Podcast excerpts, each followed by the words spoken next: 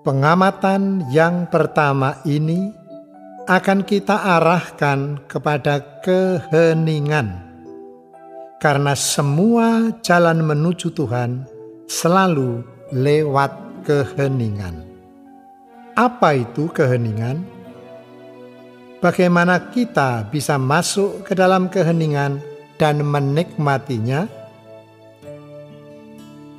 Alkisah ada seorang raja datang menemui seorang pertapa dan bertanya, "Aku seorang yang sibuk dan aku ingin dekat dengan Tuhan. Dapatkah kau menerangkan kepadaku jalan pintas menuju Tuhan dalam satu kalimat?" Pertapa itu menjawab, "Akan kutunjukkan dengan satu kata." Apa itu? Tanya raja dengan takjub. Silence. Keheningan. Bagaimana aku mencapai keheningan? Melalui meditasi. Meditasi dalam bahasa Sanskerta adalah dian. Yang bukannya renungan atau pemikiran, melainkan perjalanan ke seberang sana dari gagasan. Bagaimana aku bisa bermeditasi? Hening. Apakah Anda menangkap maksudnya sekarang? Apa itu keheningan? Keheningan adalah perjalanan ke seberang sana dari kata dan pikiran. Orang harus melampaui, bahkan melepaskan kata dan pikiran untuk bisa mencapai keheningan. Apa kelirunya kata dan pikiran sehingga harus dilepaskan? Allah itu tak terlukiskan dengan kata-kata, tak terfahami dengan pikiran Allah itu Maha Agung, mengatasi segala kata-kata dan pikiran kita manusia. Kata-kata kita tak pernah sungguh-sungguh mampu menjadi wadah, tak mampu mewadai untuk menerangkannya. Pikiran kita pun juga tak pernah sungguh-sungguh mampu mewadai pemahaman tentang siapa Allah itu. Orang harus berani berjalan melewati kata dan pikiran untuk bisa berjumpa dengan Allah di alam keheningan. Maukah Anda masuk ke dalam keheningan ini? Ada tiga jalan ingin saya tunjukkan, ialah pemahaman, penglihatan, dan kitab suci. Pertama, lewat pemahaman. Memahami apa? Bahwa Allah itu Maha Agung, melebihi semua kata-kata dan pikiran kita manusia. Thomas Aquinas, seorang teolog besar Katolik, pernah menulis mengenai Allah hanya satu yang kita ketahui, ialah bahwa kita tak sungguh tahu siapa Dia. Agustinus, seorang teolog sebelum itu, pernah berjalan-jalan di pantai, merenung lama dalam usaha memahami Allah. Dilihatnya seorang bocah bermain di pantai membuat lubang di pasir, kemudian diisi dengan air laut. "Apa yang kau kerjakan?" tanya Agustinus. "Memindahkan air laut ke dalam lubang ini," jawabnya. "Itu tidak mungkin. Laut terlalu besar dibandingkan dengan lubang kecil ini," sambung Agustinus. Oh ya? dan si bocah tak kelihatan lagi. Agustinus pun menjadi tahu. Ia mendapat pencerahan dan menjadi menyadari hal itu. Konsili Lateran menyatakan demikian. Setiap gambaran yang kita miliki tentang Allah lebih tidak menyerupai daripada menyerupai Dia. Mungkin di antara kita ada yang bertanya, "Bagaimana dengan kitab suci?" Bukankah kitab suci memberi gambaran tentang Allah? Kitab suci lebih menunjukkan arah daripada gambaran tentang Allah itu. Bayangkan ada orang mau pergi ke Bandung. Di suatu perempatan, dia melihat sebuah rambu-rambu petunjuk jalan bertuliskan Bandung ia berpikir, "Ini dia Bandung." Temannya bertanya, "Bagaimana Bandung itu?" Dijawab, "Ada tiangnya. Bandung itu biru dengan warna putih seperti huruf B, A, dan seterusnya." Rambu-rambu lalu lintas itu bukan Bandung dan sama sekali tidak mirip Bandung. Ada pepatah berbunyi, apabila orang bijak menunjukkan bulan purnama, yang dilihat oleh orang bloon adalah jari telunjuknya. Kitab suci mengatakan, Allah adalah Bapa yang melindungi kita anak-anaknya. Waktu seorang menyaksikan suatu bencana, dia berontak. Bapa macam apakah Allah itu yang membiarkan orang tak berdaya dan tak berdosa binasa? Inilah bahaya kata-kata bila dipegang sebagai seluruh kebenaran tentang Allah. Karena Allah itu misteri yang maha agung, rahasia di seberang sana dari kata-kata dan pikiran. Bayangkan ada seorang buta yang bertanya, "Bagaimana warna bunga mawar ini?" Merah jambu. Apa itu merah jambu? Silakan mendefinisikan kepadanya. Apakah merah jambu itu panjang atau pendek, halus atau kasar, tebal atau pipih? Dia bertanya dari pengalamannya yang sangat terbatas pada indera perabanya. Misalnya, Anda memaksakan diri dengan menjawabnya, merah jambu itu seperti suara yang lembut.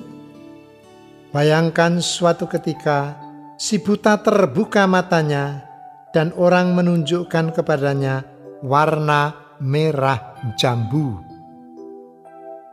dia tidak bisa menerima bahwa yang ditunjukkan itu warna merah jambu, karena saat itu ia tidak mendengar suara yang lembut mengalun padanya.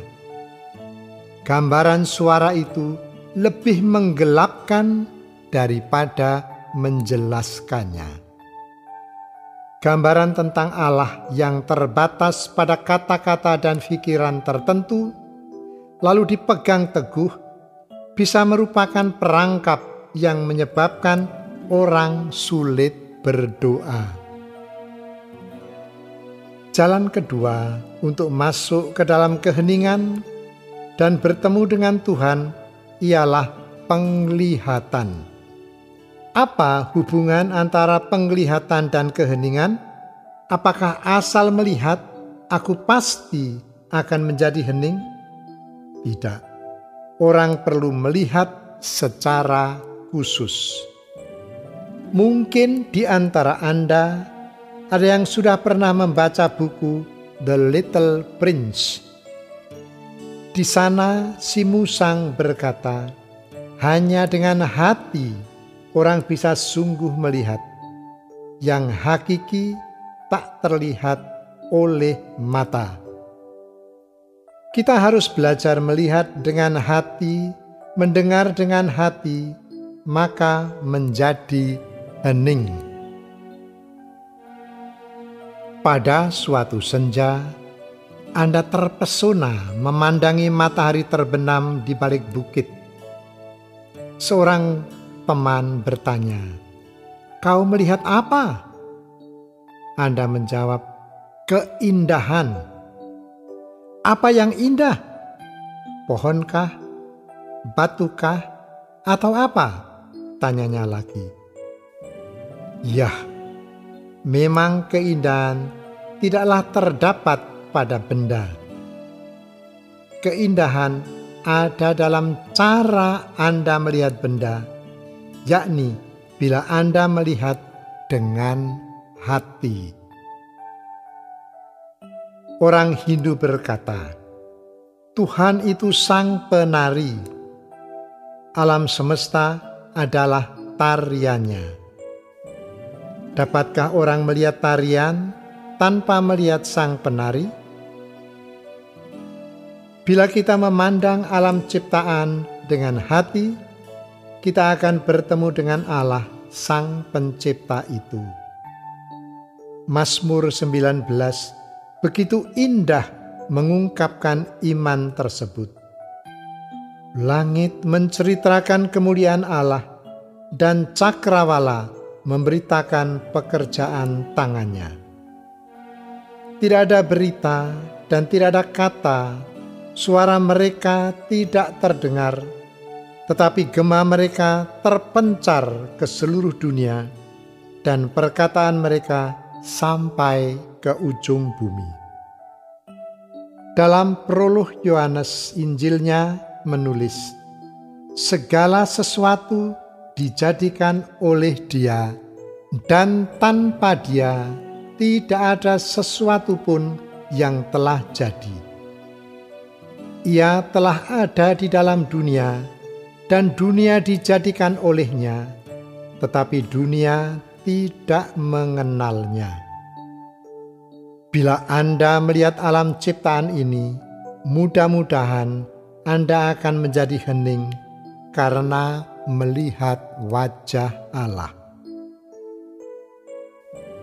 Jalan ketiga yang akan kita masuki untuk mencapai keheningan adalah kitab suci. Bagaimana caranya? Bukalah suatu kutipan pilihan Anda sendiri. Misalnya, Injil Yohanes bab 7 ayat 37 sampai 44. Mulailah dengan membaca. Dan pada hari terakhir, yaitu pada puncak perayaan itu, Yesus berdiri dan berseru, Barang siapa haus, hendaklah ia datang kepadaku dan minum.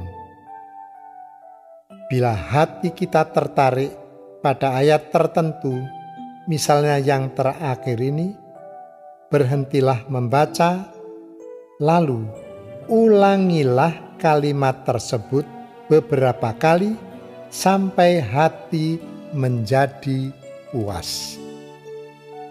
Kemudian ungkapkanlah reaksi atau tanggapan Anda sendiri. Misalnya, barang siapa haus, siapa sajakah Tuhan? Orang jahat, orang baik, semua boleh datang kepadamu. Lihatlah, aku sekarang datang mohon minum. Atau reaksi lain, sudah berapa kali aku datang kepadamu, Tuhan? Minuman apa yang kau berikan? Ah, Tuhan, bila jujur, aku kurang percaya lagi. Jangan takut berdoa demikian, karena Tuhan menghargai kejujuran. Mungkin akan datang saatnya Anda letih bereaksi dengan kata-kata, lalu diamlah, membuka hati. Siapa tahu dalam keheningan Tuhan akan mewahyukan sesuatu yang pribadi bagi Anda sendiri. Bila pikiran mulai melantur, ambillah kitab suci dan kutipan pilihan tadi, lalu teruskan membaca dengan proses seperti di atas: membaca, mengulangi, dan menanggapi. Bila kata-kata tidak sanggup lagi mewadai atau mengungkapkan reaksi batin Anda, diamlah. Anda diundang masuk ke dalam keheningan Tuhan. Berikut ini adalah variasi lain untuk masuk ke dalam keheningan lewat kitab suci.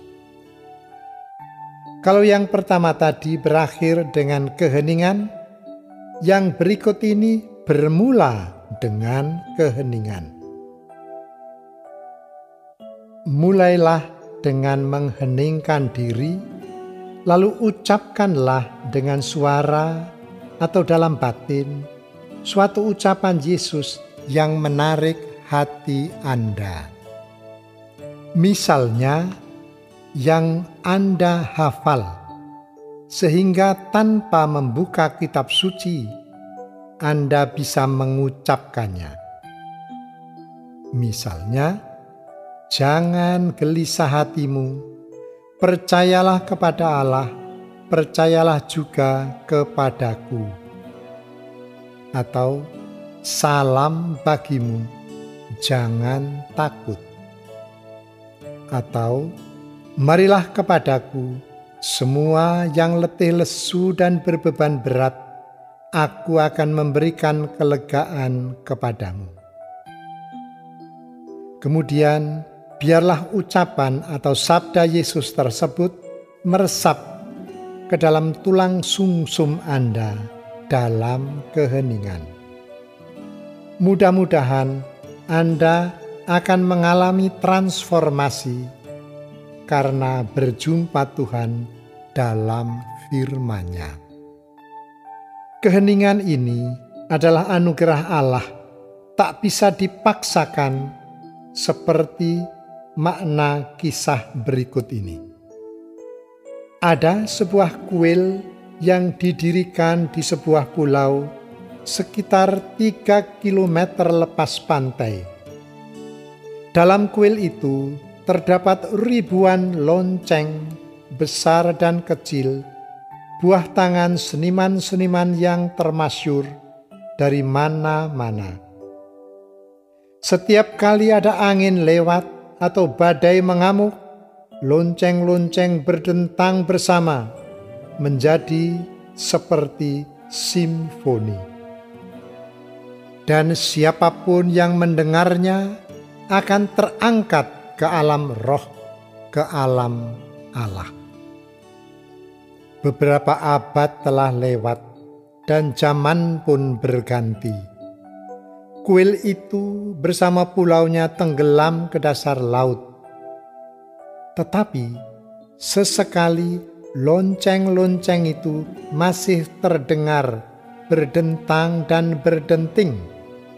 Dan berbahagialah orang yang mendengarnya. Legenda ini diceritakan orang tua-tua di pantai yang menghadap ke pulau keramat itu. Seorang muda mendengar legenda tersebut dan bertekad untuk datang dengan harapan akan mendapat karunia boleh mendengar dentangan lonceng-lonceng itu. Dipilihnya tempat di pantai yang menghadap ke pulau itu.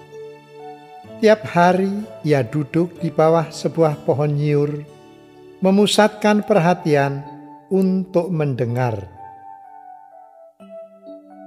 tetapi yang ia dengar tiada lain kecuali desau angin lewat atau deru gelombang yang menghantam karang yang dekat.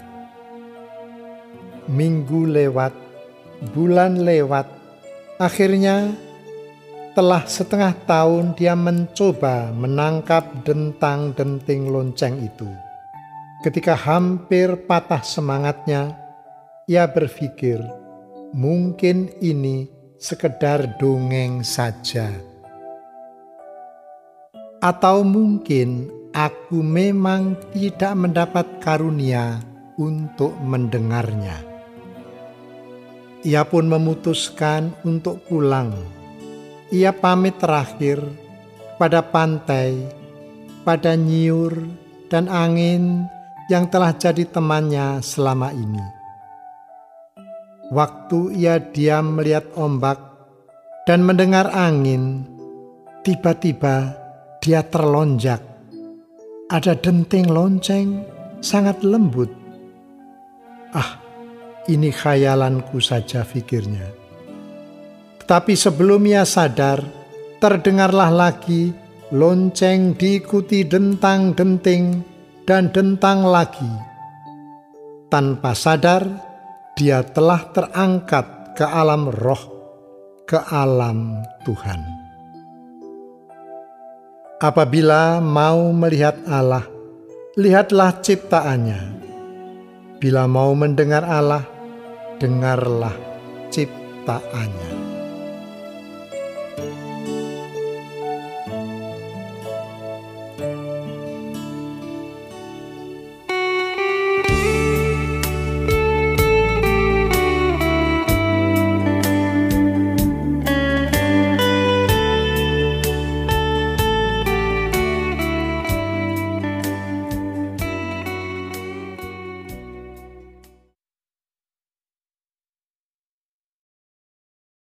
Permenungan tentang keheningan sudah selesai.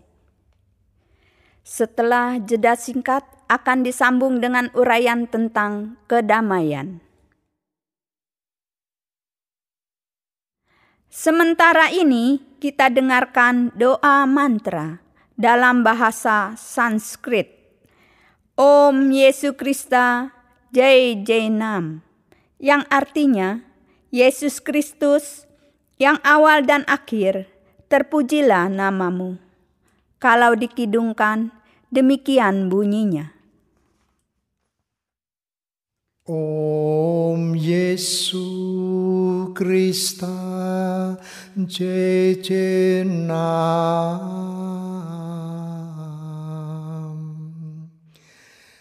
Om Yesus Krista JJ Nam Om Yesu Krista JJ Nam Om Yesu Krista JJ Nam JJ nam che che nam che che nam. Che che nam che che nam che che nam. Om Yesu Krista che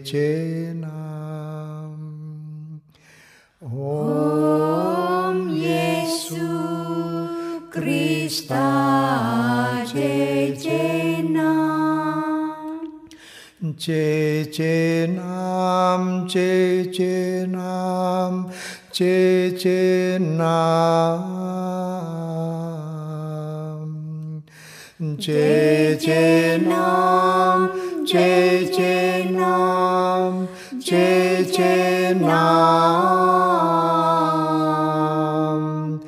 Chê chê nam chê chê chê chê na. Chê chê na. Chê chê na. Chê chê nam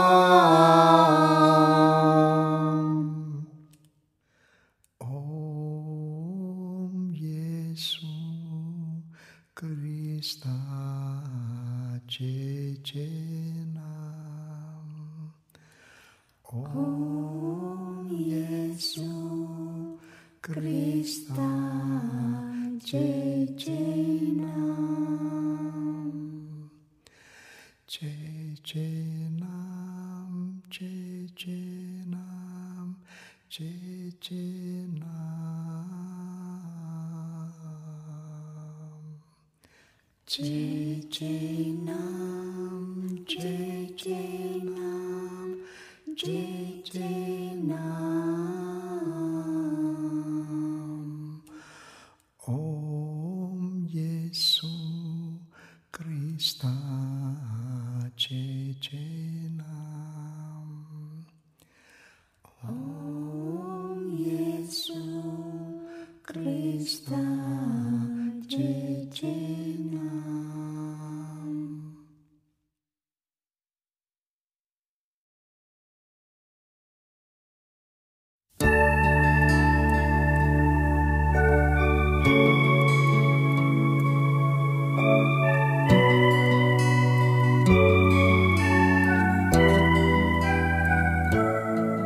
Uraian atau renungan berikut ini adalah tentang kedamaian sebagai suatu karunia khusus, bahkan ciri khas dari jalan menuju Tuhan.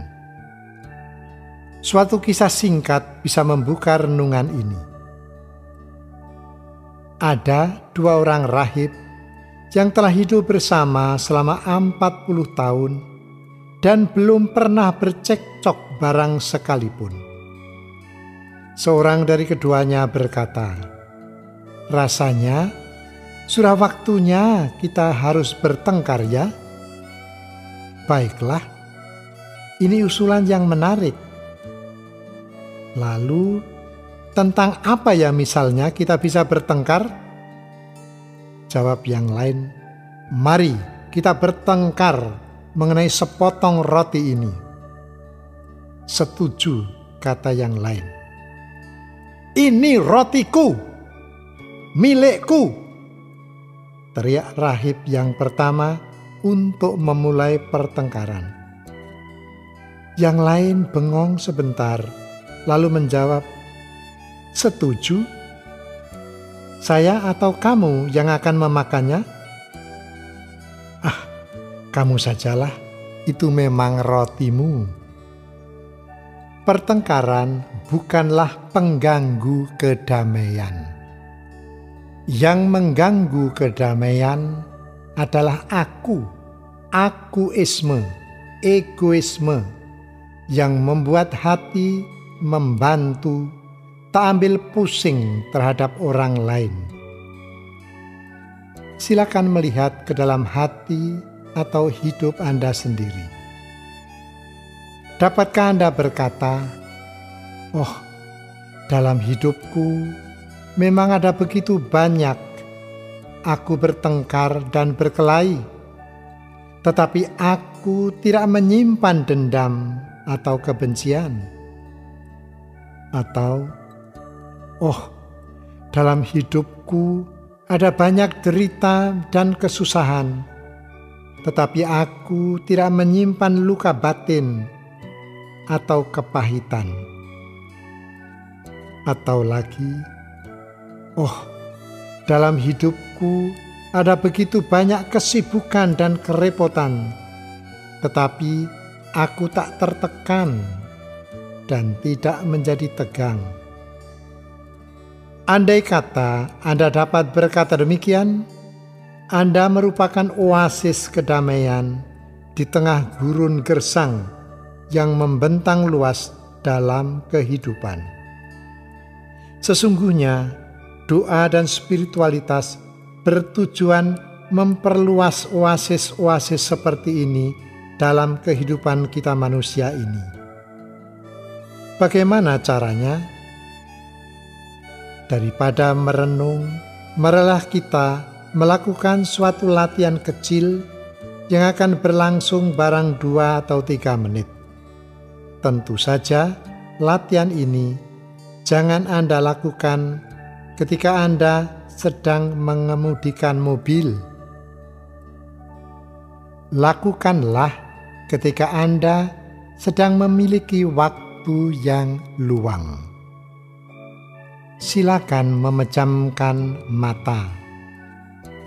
Sadarilah atau rasakanlah sentuhan pakaian pada bahu Anda, kemudian turun pada punggung Anda, lalu pada lengan Anda. Rasakan juga sentuhan kain pada paha Anda. Juga rasakan sentuhan telapak kaki Anda yang menyentuh alas kaki atau lantai. Kini ulangilah kembali, rasakan sentuhan pada bahu, punggung, lengan, paha, telapak kaki. Sekali lagi, bahu, punggung, lengan, paha, telapak kaki. Kemudian pelan-pelan bukalah mata Anda. Bagaimana rasanya? kebanyakan orang akan merasa rileks. Andai kata Anda melakukan latihan ini selama 10 atau 15 menit, mungkin sebagian besar akan mulai mengantuk atau bahkan begitu rileks sampai betul tertidur. Mungkin di antara Anda ada yang bertanya-tanya dalam hati, Apakah latihan ini membawa damai? Bukankah ini suatu latihan relaksasi? Ya, tetapi sebetulnya paling tepat ini disebut latihan kesadaran. Kesadaran akan sensasi pada tubuh, perasaan pada tubuh orang Buddhis melakukan latihan ini untuk membawa diri pulang ke lubuk hati sendiri. Diri kita manusia itu ibarat laut yang bisa beriak bahkan bisa bergelombang besar di permukaan, tetapi di kedalaman selalu tenang manusia di lubuk hati atau di kedalaman jati dirinya selalu damai. Maka, apabila orang bisa pulang ke dalam lubuk hatinya, dia akan menemukan kedamaian. Dalam jati diri manusia, terdapatlah unsur-unsur yang bermutu, seperti kesetiaan, kegembiraan, keadilan, dan kedamaian yang merupakan kualitas diri manusia. Maka, latihan yang membawa aku pulang kepada hatiku sama dengan latihan yang membawa aku ke dalam kedamaian.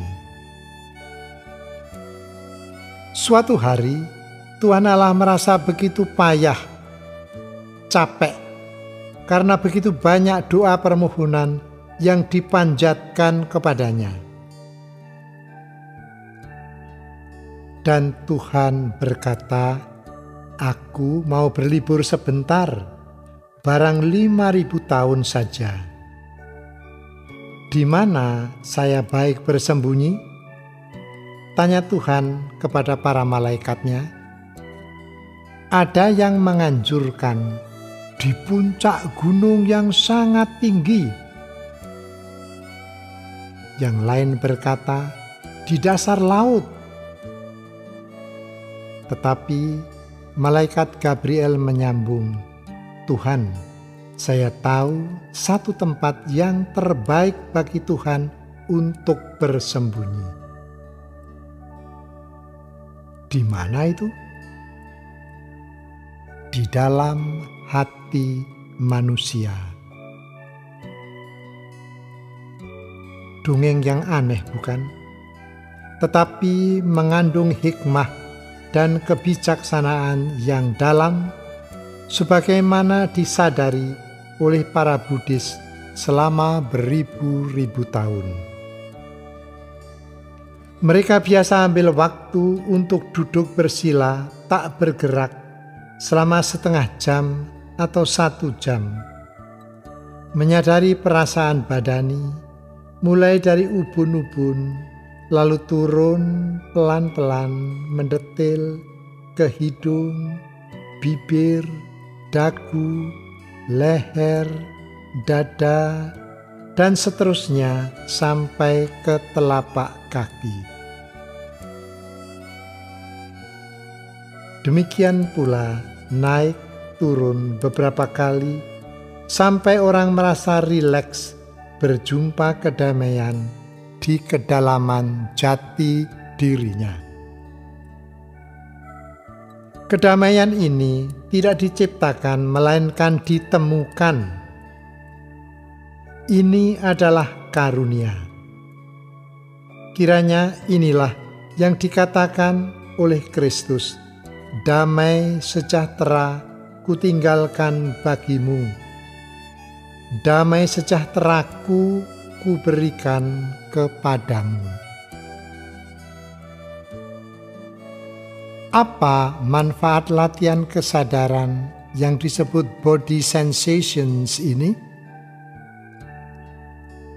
Pertama, Anda akan bertemu realitas saat sekarang kita sering kali merasa terlilit atau terperangkap macam-macam kerepotan, jadi bingung dan tegang dan risau, tak bisa bernafas lega. Padahal sebetulnya mungkin kerepotan yang real hanya satu dua, yang lain dari masa lampau atau dari masa yang akan datang. Maka, bila orang kembali ke saat sekarang, jadi lebih tenang. Suatu strategi perang kuno ialah divide et impera, artinya pecah-pecahkan kekuatan musuh, lalu seranglah. Ini berlaku untuk musuh yang bernama kekhawatiran, ketegangan, kegelisahan, dan seterusnya. Kedua, latihan ini diam-diam mengundang Anda untuk memperlambat langkah atau slow down. Kecepatan itu indah. Oh, saya sama sekali tidak anti kecepatan. Tetapi bila kecepatan berubah menjadi terburu-buru, tergesa-gesa, dan orang jadi kemerungsungan. Di sana ada racun. Orang Jepang berkata, "Pada hari engkau berhenti berjalan, engkau akan sampai di tujuan." Saya akan mengatakan, "Pada hari engkau berhenti terburu-buru, engkau akan sampai. Orang Jawa berkata, kebat kelewat. Bila saya berjalan tergesa-gesa, tahu-tahu tujuan sudah kelewatan tanpa aku menyadarinya. Seorang guru menggiring anak-anak SD masuk ke suatu museum Anak-anak begitu terpesona mengamati barang-barang kuno, peninggalan sejarah. Guru berteriak, "Ayo, anak-anak, cepat-cepat! Bila kau berhenti di setiap tempat, waktumu habis dan kamu tak melihat apa-apa." Kita sering tergesa-gesa sampai tak menikmati hidup. Maka nasihatnya ialah slow down. Orang lain melaksanakan demikian. Lakukanlah satu hal setiap kali. Kalau sedang minum kopi, nikmatilah kopi. Kalau sedang berdoa, nikmatilah doa. Kalau sedang menyiram bunga, nikmatilah berkebun. Jangan tumpang tindih. Sambil minum kopi misalnya, sibuk memikirkan hutang sambil makan kacang, sibuk memikirkan sambutan, dan sebagainya. Untuk segala sesuatu ada waktunya. Selanjutnya, saya ingin menawarkan dua latihan kecil lagi, khususnya bagi sementara di antara Anda yang merasa latihan pertama tadi kurang membantu saya akan menyebut latihan kecil berikut: penerimaan dan pelepasan.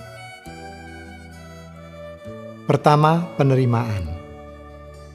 Ada sebuah doa Kristen kuno yang berbunyi, "Tuhan, bantulah aku untuk mengubah yang dapat kuubah, menerima yang tak dapat kuubah." dan kebijaksanaan untuk membedakannya.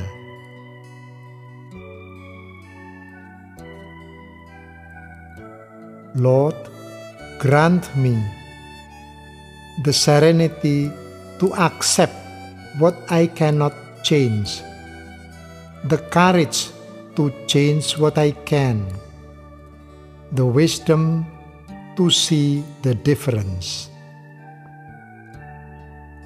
Dalam hidup ini, ada begitu banyak hal yang tak dapat kuubah. Suara bising di samping rumahku, udara panas yang membuat gerah, kematian orang yang kucinta, dan sebagainya. Berdirilah di depan masing-masing hal itu dan berkatalah, Amin ku terima kau. Banyak orang dengan cara ini tertolong, tidak jengkel lagi, tidak tegang lagi. Dia jadi damai meski tak ada sesuatu pun yang diubah. Kedua, pelepasan.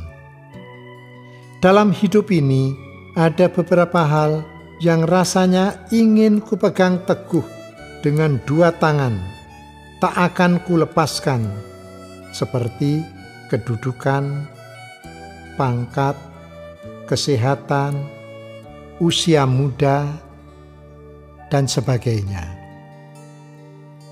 Bila demikian, maka berdirilah di depan masing-masing. Kau begitu berharga bagiku, tetapi kau bukanlah hidupku. Kulepaskan kau bila waktunya telah datang. Dengan itu, kerelaan hati akan tumbuh dan berkembang, dan bersama itu hadir pula kedamaian. Ada juga hal yang nampak jelek dan sesungguhnya jelek. Tapi entah bagaimana, aku tetap mau menggenggamnya, seperti misalnya kekecewaan, dendam, rasa salah. Itu semua pantas kuhadapi. Kepada masing-masing, aku juga pantas berkata, "Ku lepaskan kau." Dalam kitab Raja-Raja diceritakan bagaimana Naaman, seorang panglima Aram yang mengidap penyakit kusta, disembuhkan oleh Nabi Elisa. Nabi Allah itu menyuruh Naaman mandi tujuh kali di sungai Yordan. Naaman merasa tersinggung katanya. Bukankah Abana dan Parpara, sungai-sungai Damsyik, lebih baik daripada segala sungai di Israel? Hambanya, seorang gadis Israel, melarai katanya, Bapa, seandainya nabi itu menyuruh melakukan hal yang sukar, bukankah Bapa akan melakukannya? Bukankah sekarang ia hanya berkata kepadamu, "Mandilah, dan engkau akan menjadi tahir." Akhirnya, Naaman melakukan yang begitu mudah itu dan sepele itu, dan ia pun sembuh. Jadi, ada tiga latihan telah kita renungkan untuk mencapai kedamaian. Ialah kesadaran akan perasaan tubuh, body sensations. Ini disebut vipassana. Lalu penerimaan dan akhirnya pelepasan. Ketiganya sederhana, yang satu lebih mudah daripada yang lain. Pengalaman Naaman mungkin akan mendorong Anda melakukan latihan-latihan tersebut dengan lebih mantap dan mengalami sendiri daya gunanya. Saya ingin menutup renungan ini dengan satu kalimat dari Rasul Paulus untuk menjadi berkat bagi Anda dan bagi saya juga. Semoga damai dan sejahtera Allah yang melampaui segala akal budi akan memelihara hati dan pikiranmu dalam Kristus Yesus.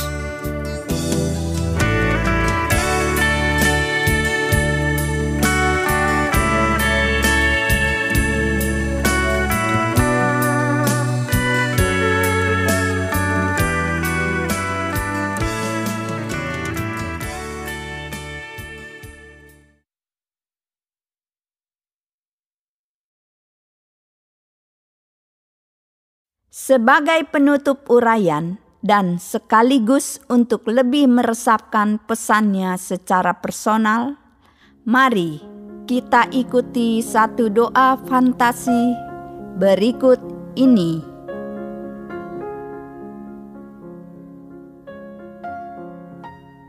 Perhatikanlah pernafasan Anda. Sadarilah bahwa Anda sedang menghirup udara dan menghembuskannya keluar. Sekarang perhatikanlah mengalirnya udara lewat lubang hidung Anda, seperti bila Anda mengamati pasang surutnya air atau maju dan mundurnya ombak di samudera raya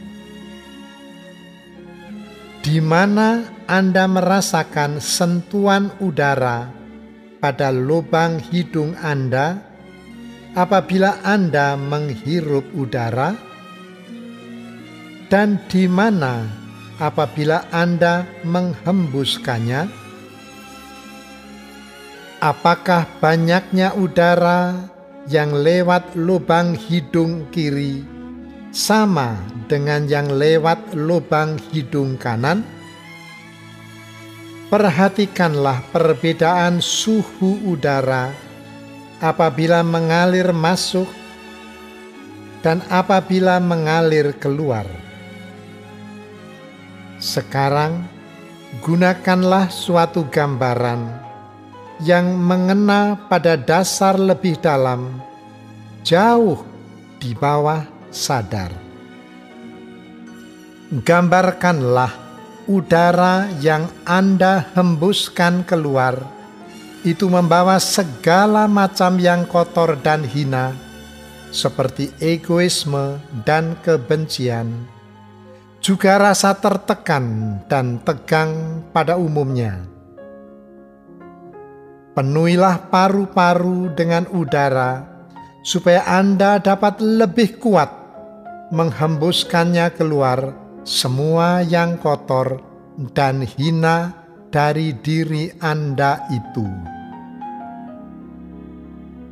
Sekarang, perhatikanlah Anda menghirup udara, dan bayangkanlah udara yang Anda hirup dari luar penuh dengan kehadiran Allah atau penuh dengan belas kasihannya atau dengan kedamaiannya. Hiruplah udara dan penuhilah paru-paru dengan kehadiran atau belas kasihan atau kedamaian Tuhan sehingga Anda dikuatkan dan disegarkan. Sambil berbuat demikian, bayangkanlah Anda jadi penuh, jadi kuat dan bercahaya di tengah alam ciptaannya ini.